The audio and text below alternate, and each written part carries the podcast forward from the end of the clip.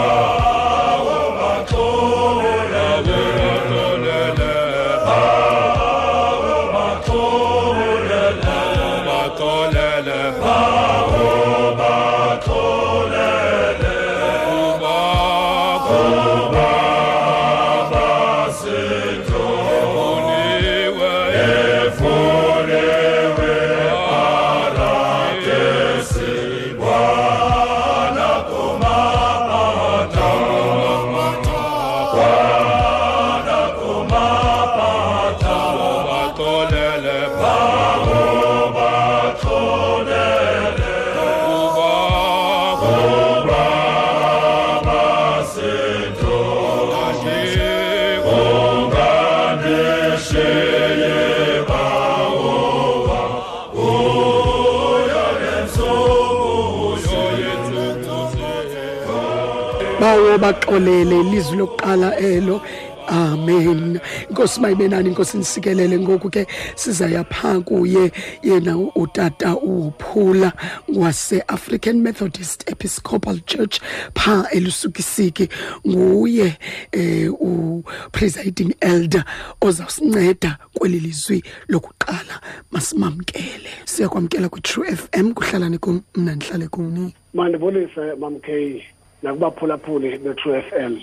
amen tata ilizwi lethu ilizwi elifumaneka kwincwadi yomvangeli uluka isahluko sesamashumi mabini anesithathu kwivesi yamashumi amathathu anesine lifundeka ke ngolu hlobo wathi uyesu bawo baxolele kuba abayazi into abayenzayo benza ke amacashiso ngengubo zakhe elizwi lenkosi inkosi sike lofunda kwezilangoku nakunaphakade amen la mazwi mamkey nakaphuli afumaneka kuphela kule vangeli okubhalwa nguluka le vangeli xa uyijonga kunye nekamarko nekamateyu ziyafana zibizwa ngokuba zii-synoptic gospels ngenxa yokufana kwazo kodwa kunjalo la mazwi afumaneka kuluka kuphela abantu ke abazizikolars nee-theologians zikhe zaba nedebate ngala mazwi kwabethana izimvo ngenxa yokuba ukubhalwa oku kwetestamente entsha kungumbhalo obunee-challenges ngoba okokuqala amazwi kayesu ayengamazwi ayenziwe okanye wathethe ngolwimi oluyi-aramayik lwaze ke kwaguqulelwa kwisigrek into ke ngoku ebangela ukuba abanye xa bekhweshina la mazwi kayesu emnqamlezweni kufuneke kwenziwe uphengululo lokukhangela ukuthi uyesu lo uthini na nangakumbi ke ngokuba emveni kokuba uyesu kristu ebethelelwe kwabakho ukungaboni ngasolinye kubantu ebebengamayuda nabantu abaqale ukulandela imfundiso kakristu yesu kodwa ke ngokufutshane ngenxa yoba selethile ubhishophu ukuthi amaxesha siwajwe ngencwadini ndifuna siyazi ukuba la mazwi siwathetha siwajonga ikwi-context yokufundisa kukaYesu Kristu esaphila namhlanje usemnqamlezweni uthi bawo baxolele kuba abayazi into abayenzayo kodwa noba esitsho siyafuneka sike simjonge kancinane ukuthi uYesu Kristu ngaphambi azofika apha emnqamlezweni uthini yina ngoxolo uyesu kristu bantakwethu baphulaphuli be-true f m uthi xa ethetha nabantu benze izinto ezingalunganga okanye emveni kokuba ephilisile athi izono zakho zixolela hamba ungabuye wone he was once taken into task ngupetrosi embuza umbuzo othi umxolela kangaphi na uwena uxa ethe wakona kasixhenxe na uthi uyesu kamashumi asixhenxe aphindene kasichenge kodwa noba kunjalo mphulaphuli vuma ndithi le nto iluxolo yinto enzima inzima ngokuba ifuna umntu axolele ngaphambi koba axolelwe nguthixo yiva uyesu xa efundisa uthi xa nithandaza yenzani nje bawo sixolele izono zethu njengoba nathi sibaxolela abasonayo thina kuyabonakala ukuba siyadinga ukuba sibaxolele abantu ukuze nothixo asixolele amaxesha amaninzi ke ufumana into yoba bantu bayanzinyelwa luxolo abanye uyuthi athi umntu ndomxolela ndifile akanye ndamxolela kodwa ngeke ndilibale ingxaki yinto yokoba uxolo luphelile emhlabeni lukho uxolo oludwingwa ngabantu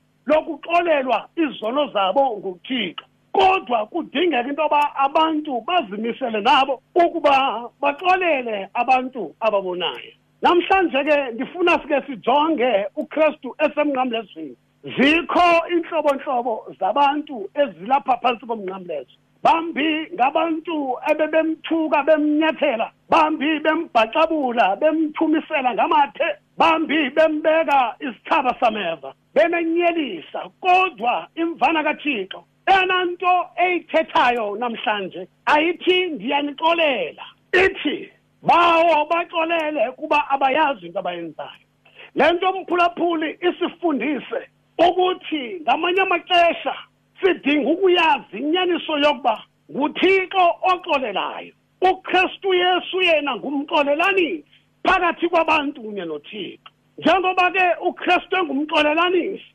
phakathi kwabantu nothixo emnqamlezweni uzofezeka isidinga xa uthandaza lo mthandazo othi bawo baxolele kuba bayazi into abayenzayo uthetha ukuthi akuyo ndawo yam le It is not my mission, but it is your mission, O oh Father. ayikokwam oku kwenza kodwa kukwenza endikuthunywe ngubawo uyesu kristu baphulaphula ucelela uthixo ngaboni ukuba makabaxolele ingathi kum uthi nkosi kufike nathuba obundithumele lona ngoba ukristu umphulaphula wayehlele entroneni yakhe yobungcwele isono sigubungele kukhona ubumnyama emhlabeni imithandazo nokukhunga kwabantu kuyingxaki ngoba uthixo abantakwethu akasifuni isono uthixo ethethu izaya athi isono siyayithintela intsebenzo kathixo kodwa ngale mini yimini yokuba abantu baxolelaniswe kunye nothixo ndifuna ke ukuthi mphulaphuli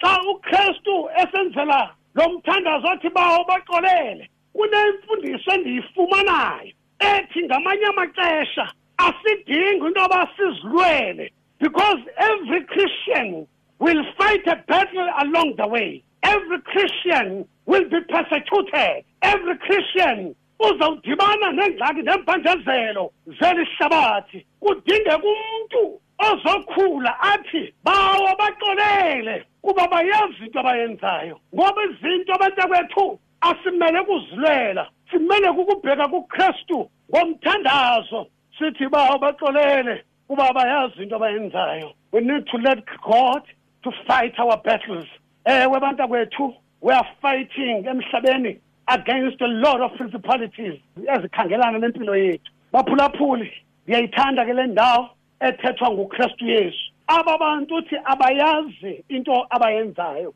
kodwa vuma mphulaphuli ndithi kuwe bayazi ukuba ngumkhohlisi ngokunokwabo nale nto bayenzayo yokumbethelela emnqamlezweni kukuphelisa indaba yakhe emhlabeni kodwa bayazi ukuthi lo mkhohlisi ngumkhululi wethu bayazi ukuba ukumbulala kwabo bazokube bagqibile ngeface yokushunyayelwa kwendaba ezilungileyo emhlabeni kodwa bazi ukuthi le bayibulalayo yimbangi yokudliwa kobomi uthi uyesu kristu abayazi into abayenzayo kodwa ndithi mphulaphuli babesazi ukuthi ngexesha ebenza amaqashiso ngeengubo zakhe umntu ngamnye uzifunela okokwakhe kwiingubo zalo mntu abambethelelayo kodwa into ebabengayazi ukuthi ngexesha besabelana ngezi ngubo bazalisekisa isibhalo esibhalwe kwincwadi yeendumiso isahluko samashumi mabini aneshumi amashumi amabini anesibini kuvesi 18 bayazi ukuba ukuba benzile oku bazobe bagqibile kanti xa besenza abazi ukuthi kuqakuqalayo ngoba uthixo abantakwethu kuyenzeka ukuthi xa ziphela izinto kanti yena kuqaqalayo xa abantu bebeka i-full stop ngobomi bakho uthixo yena uvuka nge-capital letter uthi im starting a new thing ngoba uthixo akathethi njengokuthetha kwabantu akenzi njengokwenza kwabantu uthixo unendlela zakhe iindlela zakhe ziphakeme abazi bathi yena ngumoni kanti ngumhlanguli waboni bathi aba bantu basemphantsi komnqamlezo lo mntu kumele kuze afe ukuze biphele le nto yokuzenza unyana kathixo kanti ngale mini yimini yokuhlangulwa kwemiphefumlo mphulaphuli siphila kweli lizwe kweli lizwe siphila nabantu unjalo nje umntu ngamnye unengxaki ngengxaki adibana nazo kodwa ndifuna ukuthi bawo baxolele kuba bayazi into abayenzayo you have been disappointed thandaza umthandazo bawo baxolele kuba bayazi into abayenzayo uhletyiwe bawo baxolele abayazi into abayenzayo wenzakalisiwe wenzelwe iyelenqe bawo baxolele ushiyiwe bawo baxolele udlwengulwe bawo baxolele kudingeka abantu abazoxolela ngoba umkhululi wethu injongo yakhe kukuba makube khona uxolo phakathi komntu nothixo mamkheyi kunye nabaphulaphula ndicela niyiqonde le nto ngexesha ukristu efika emhlabeni injongo yakhe yayikubuyisa ubudlelwane phakathi komntu nothixo ngoba basebulahlekile kungekho ndlela yimbi uthi umculo wasekhaya kwakungekho cebo limbi yokuhlangula isono amasango ayevaliwe kungekho bani unesitshixo kodwa nguye kuphela yiyo le nto athe xa ifika emhlabeni wayiqonda ukuthi makathethe amazwi athi bawo baxolele kuba bayazi into abayenzayo kodwa abantu akwethu xa uxolela yazi into okokuba ukhulula umphefumlo wakho kwintolongo yenzondo xa uxolela ucangatha kwimfundiso kakristu yesu xa uxolela uvulo lwakho uxolelo mphulaphuli mandigqibele ngokuthi xa ezigospele zithetha ngokuxolelwa yonke le mihla uthixo uthetha athi bawo baxolele namhlanje uthi bawo baxolele ubekade sithi izono zakho zixolele ndirhalela ke mphulaphuli into okokuba ukhangela ubomi bakho into okokuba awunilona ikhoboka lenzondo awunilona ikhoboka lokungaxoleli ngoba umphefumulo wakho uyakuhlanguleka xa uqala uxolela abasecaleni kwakho ndifuna ke ekokugqibela ndithi xa uxolelwe uba nobomi obutsha kukristu xa uxolelwe uba ngumntwana omtsha kuthixo izinto zakho